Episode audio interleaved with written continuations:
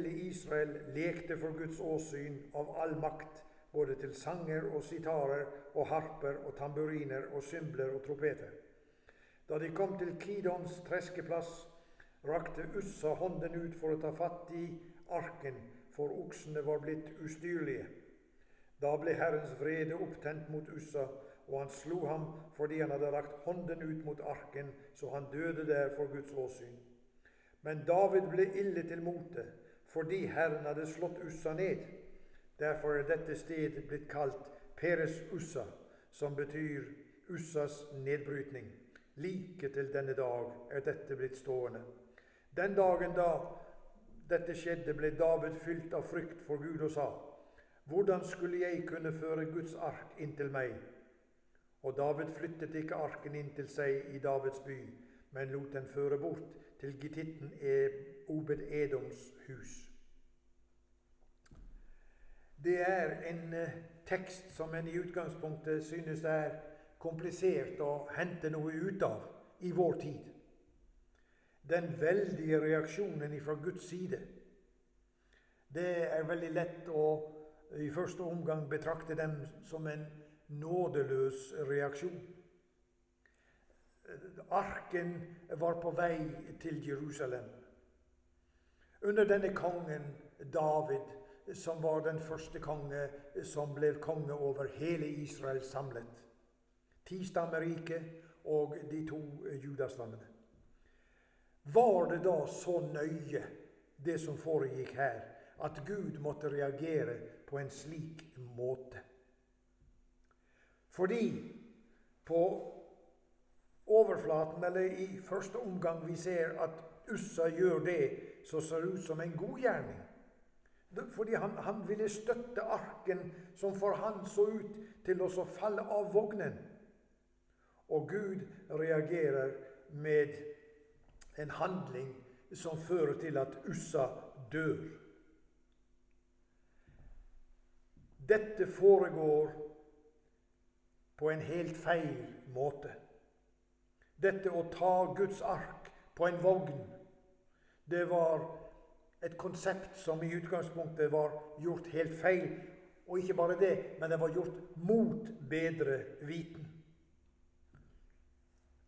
Og vi ser samtidig som dette foregår mot bedre viten, at David og hele folket har en upassende oppførsel innenfor Gud. De jubler som om at alt skulle vært greit, dansende, lekende. Selv om oppskriften for det som Gud hadde sagt når det gjaldt transport av arken, den var kjent. Den var gitt lenge, lenge før denne tid, og den beretningen kan du lese i 5. Mosebok 10,8. Paktens ark, historien rundt den nå, det var at den var blitt tatt til fange eller bortført av filistrene nesten 20 år før denne hendelsen. Det leser vi om i, i 1. Samuel 4 og utover. Dette var før David ble konge. Som vi vet, så var arken Israels nasjonale skatt og det absolutt helligste objekt innenfor Israels grenser. Arken representerte Guds nærvær blant hans folk. Arken ble holdt i tabernaklet, inne i det aller helligste. Et avlukket sted. Det var bare ypperstepresten som kunne komme inn der på forsoningsdagen, eller jom kippur, om du vil. Filistrene de hadde gått inn og hadde erobret arken. Men de fant fort ut at denne handlingen fikk konsekvenser. Dette leser du om i 1. Samuel kapittel 6. Fordi at det som skjedde, det var at menneskene i Filisterland de ble rammet av svulster, og de fant sin gud Dagon liggende nesegrus og knust i avgudstempelet fordi de hadde erobret arken, tatt med seg den og vanæret Guds helligdom. Så når da David var blitt konge og etablerte sin trone i Jerusalem, så bestemte han seg for å bringe Den hellige ark til hovedstaden. Det var jo en naturlig handling for å kunne gi fokus for tilbedelse og et samlingspunkt for nasjonen. Davids misjon er en viktig og hellig oppgave. David, dagen David førte arken til Jerusalem, det var, det var kanskje den største dagen i kong Davids liv. Og situasjonen som her skjer, det er en viktig lærdom om noe helt spesielt. Det gjelder Guds hellighet. Og det er ikke til å bagatellisere. Og vi gjør klokelig vår inntreden i hans nærvær med bevisstheten om at han er en fortærende ild mot alt som ikke er hellig. Og vi eh, unngår å bruke hans navn løst eller lett eller på en vanærende måte. Dette ligger i oss allerede ifra vi hører budene som vi lærte den gang da det enda var slik at vi fikk lære budene i de første årene på skolen. Og da lærte vi det at vi skulle ikke misbruke Herrens navn. Og det skulle vi gjerne tatt med oss videre og lært den oppvoksende slekt. Men eh, det som er saken her, det er at da den erobrede arken eh, kom tilbake til israelsk territorium, så kom den og det leser du i 1. Samuel 6. Da kom den til byen Bet-Shemesh. Og når vi nevner parallellteksten i 1. Samuel 6, så forteller vi her om at eh, når den kom tilbake, så åpnet de arken for oss å se på. Det var nysgjerrighet blant folket. Er det noe nedi i denne her som, som det skulle være? Og hva var det som var nedi der? Det var tavlene. Det var budtavlene som Moses hadde fått på Sinai. Det var mannaen, og det var Arons stav. Dette hadde Gud sagt dette skulle ligge her. Og det var uten mellommannen, uten ypperste presten, som hadde tjenesten ved en gang i året å gå inn. Uten ordningen med hvordan Guds ark skulle transgenerasjon, det som omtales i 5. Mosebok. Det som omtales i 5. Mosebok 10,8.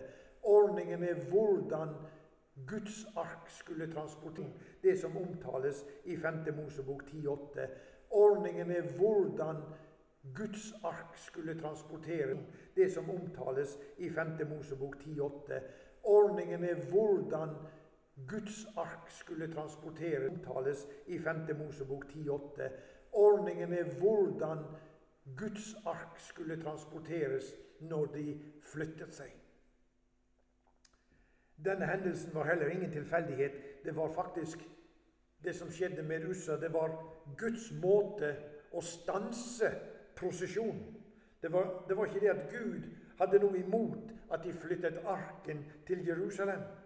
Han var imot at de brøt hans ordning. Den upassende måten å transportere det aller helligste. For han hadde sagt som nevnt i 5. Mosebok, at levittene skulle bære arken på to stenger osv. osv. Dette kan du lese der i 5. Mosebok 10. Jødene, og iallfall David og levittene, burde iallfall ha visst hvordan de skulle behandle og transportere arken på riktig måte. Det hadde de jo, som nevnt, fått seg forklart og fortalt. Å nærme seg Gud uten en rett forståelse av hva det innebærer, det er faktisk dødens vei. Det skal vi komme litt tilbake til helt mot slutten her. Kanskje vi er som Ussa.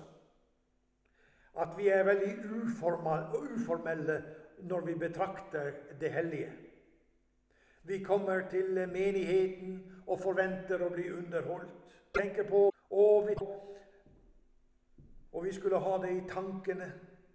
Det er ikke til å komme til møte med en slags hallaisen-hilsen til Gud.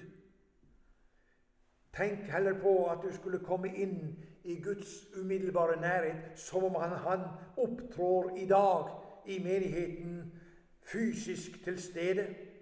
Hvordan ville vi da tenke idet vi går inn gjennom inngangsdøra? Gud sitter på podiet, og han venter på sine som skal komme for å høre hva han har på hjertet.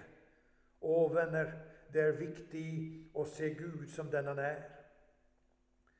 Det er, det er av og til vi hører at det er så kjedelig på menigheten. Det kommer aldri fra mennesker som har en ærefrykt for Gud. Ussa trodde at han beskyttet arken. Velmenende rakte han ut sin hånd for at ikke arken skulle falle av vogna, der det sto om at oksene var blitt styrløse. Denne utrakte og velmenende hånd, det var det som trygget hans umiddelbare død. Det å være velmenende om Gud, velmenende om Jesus, velmenende om Den hellige ånd, det er fremdeles dødens vei. David ble ille til mote, står det i den gamle oversettelse, over at Ussa døde. I den engelske versjonen så oversettes det mer og kanskje bedre med at David kom i nød. For han ropte, 'Hvordan kan nå arken flyttes hit til meg, hit til Jerusalem?' David skjønte tydelig at det var Guds inngripen, og at han ikke var villig, denne kong David, til ytterligere å risikere guddommelig misnøye. David visste ikke hvordan han skulle komme videre. Og Derfor så stoppet han straks hele operasjonen.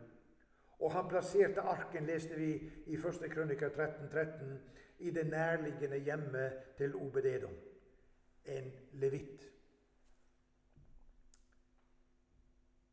Når vi ser da på den videre hendelse, hvor de anvender hva Moses hadde fått seg pålagt i 5. Mosebok 10, så anvender de da Guds oppskrift på den videre transport av arken inn til Jerusalem. Alle de klare instruksjoner om hvordan dette skulle gjøres, ble nøye fulgt. Og I stedet for å gjøre noe veldig fancy og gjøre et stort show av det, så underordner David seg Guds vilje. Det er, og det blir, en trøstende trygghet å vite at Gud er hellig. Og på grunn av at Jesus kom som Guds utsending, så er vi nå velkomne til å komme framfor Gud. Der kan vi ikke komme i egen person. Der må vi ha en mellommann. Og der er det slik at når vi kommer i Jesu navn, så kan vi komme slik som vi er. Med alt som måtte være hengende med oss i vår tilværelse, i våre liv. Jesus er denne mellommannen. Og han er den eneste som noen gang ble uskyldig straffet av Gud. Vi leser i 2. kor 5, 21. Han som ikke visste av synd, har han gjort til synd for oss, for at vi i ham skal bli rettferdige for Gud.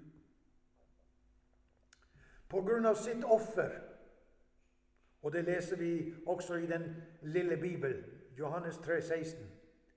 For så høyt elsket Gud verden, at han gav sin sønn den enbårne, for at hver den som tror på ham, ikke skal fortapes, men ha evig liv. Der tales det til menneskeheten på en måte hvor Gud får vise sin barmhjertighet, og hvor han får vise oss veien til den fullkomne tilgivelse. For vi liker jo slett ingenting å tenke på oss selv som urene. Vi som lever så fint og så godt, men urene innenfor Gud, det er alt kjød. Og uten Jesu blod som eh, dekningsmiddel, som betalingsmiddel, så står vi innenfor Gud til evig dom og vente. Jesus betalte det høyeste offer nettopp for slike. For de ødelagte. For de som er uten håp, som ikke har i seg sjøl noen mulighet til å stille opp med noe innenfor Gud i det hele tatt. Da Gud lot dette skje på Golgata, da grep Gud fatt med sine hender, usynlige kanskje, men forhenget i tempelet revnet da, ovenifra og ned. Og symbolsk viste Gud der at nå har vi fått tilgang til det aller helligste på grunn av Jesus, vår ypperste prest. Det er først når vi begynner å forstå Guds hellighet, at vi begynner å se mengden av synden vår og prisen som ble betalt for vår tilgivelse.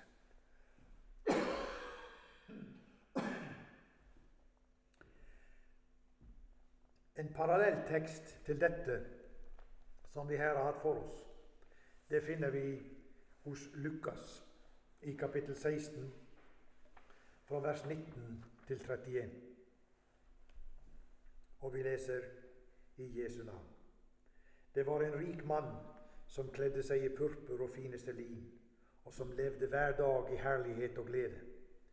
Men det var en fattig mann ved navn Lasarus som var lagt ved porten hans. Han var full av verkende sår. Hans ønske var å få mette seg med smulene som falt fra den rikes bord, men endog hundene kom og slikket sårene hans.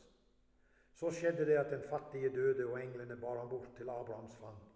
Men også den rike døde og ble begravet. Og da han slo sine øyne opp i dødsriket, der han var i pine, da ser han Abraham langt borte og Lasarus i hans fang. Da ropte han og sa, Far Abraham, forbarm deg over meg, og send Lasarus, så han kan dyppe fingeren sin i vann og svale min tunge, for jeg lider svær pine i denne ild. Men Abraham sa, Sønn, husk at du fikk dine goder i din levetid, like som Lasarus fikk det vonde. Men nå trøstes han her mens du pines. Dessuten er det festet et stort svelg mellom oss og dere, for at den som måtte ønske å gå herfra og over til dere, ikke skal være i stand til det. Heller ikke kan noen komme derfra og over til oss. Da sa han, så ber jeg deg, far, at du må sende ham til min fars hus, for jeg har fem brødre, for han kan vitne for dem, så ikke også de skal komme til dette pinens sted. Men Abraham sier til ham, de har Moses og profetene, la dem høre dem. Men han sa, nei, far Abraham, men kommer det noen til dem fra de døde, da vil de omvende seg. Men han sa til ham, hører de ikke Moses og profetene, da vil de heller ikke la seg overbevise om noen står opp ifra de døde. Den rike mannen som vi leser om her, han kunne i ydmykhet ha henvendt seg til Gud. Han kunne også ha ankommet himmelen da han døde. Men han valgte å la være og innse at han trengte en mellommann. Han så seg selv som god nok. Her ligger et viktig, og kanskje det mest viktige element som har med tro og frelsesvisshet å gjøre.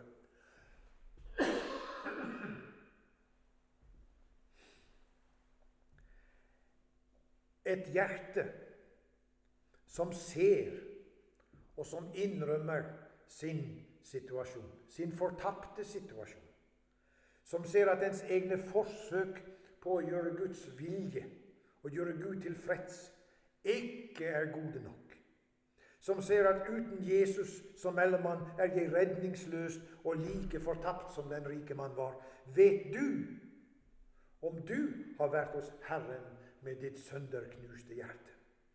Et som er falskt, ubotferdig og fylt av urenheter og synd. Er det dette du har vært hos Jesus med?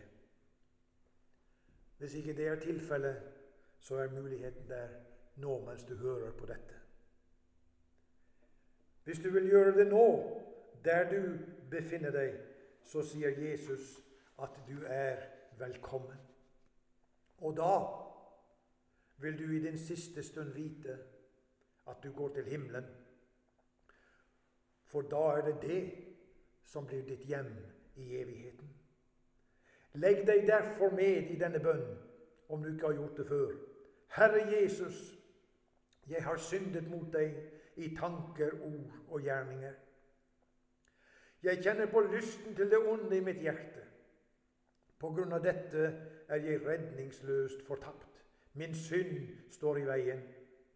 Men Jesus, ditt ord sier at ditt blod renser ifra all synd. Rens meg, Jesus, i ditt blod, her og nå, Jesus, så jeg blir ren for Gud. Takk at du, Jesus, den levende Guds sønn, tar imot meg slik jeg er. I Jesu navn. Amen.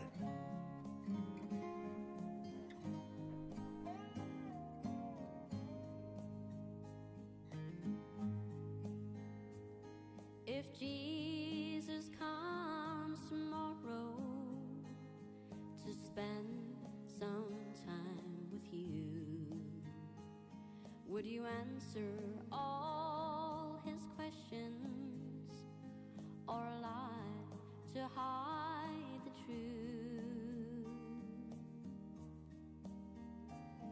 Would you welcome him with open arms or even let him in? If Jesus comes tomorrow, what then? If Jesus calls your number, could you leave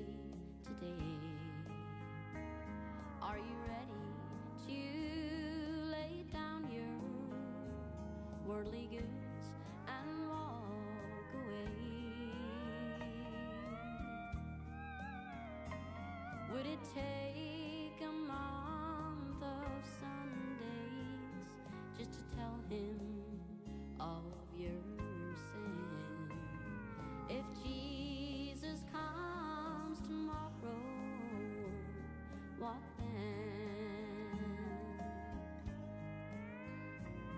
If the sky turns black as midnight in the middle of day, and somehow you knew that Jesus would soon be on his way, would you have you reach out and take his hand? If Jesus comes tomorrow, what then?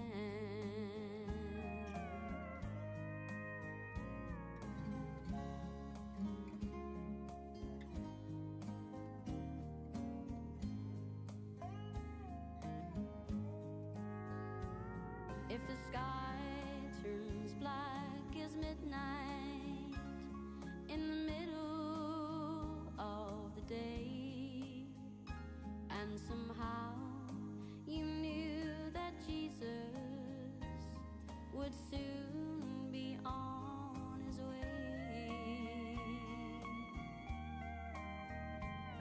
would you have to beg forgiveness? Or could you reach out and take his hand? If Jesus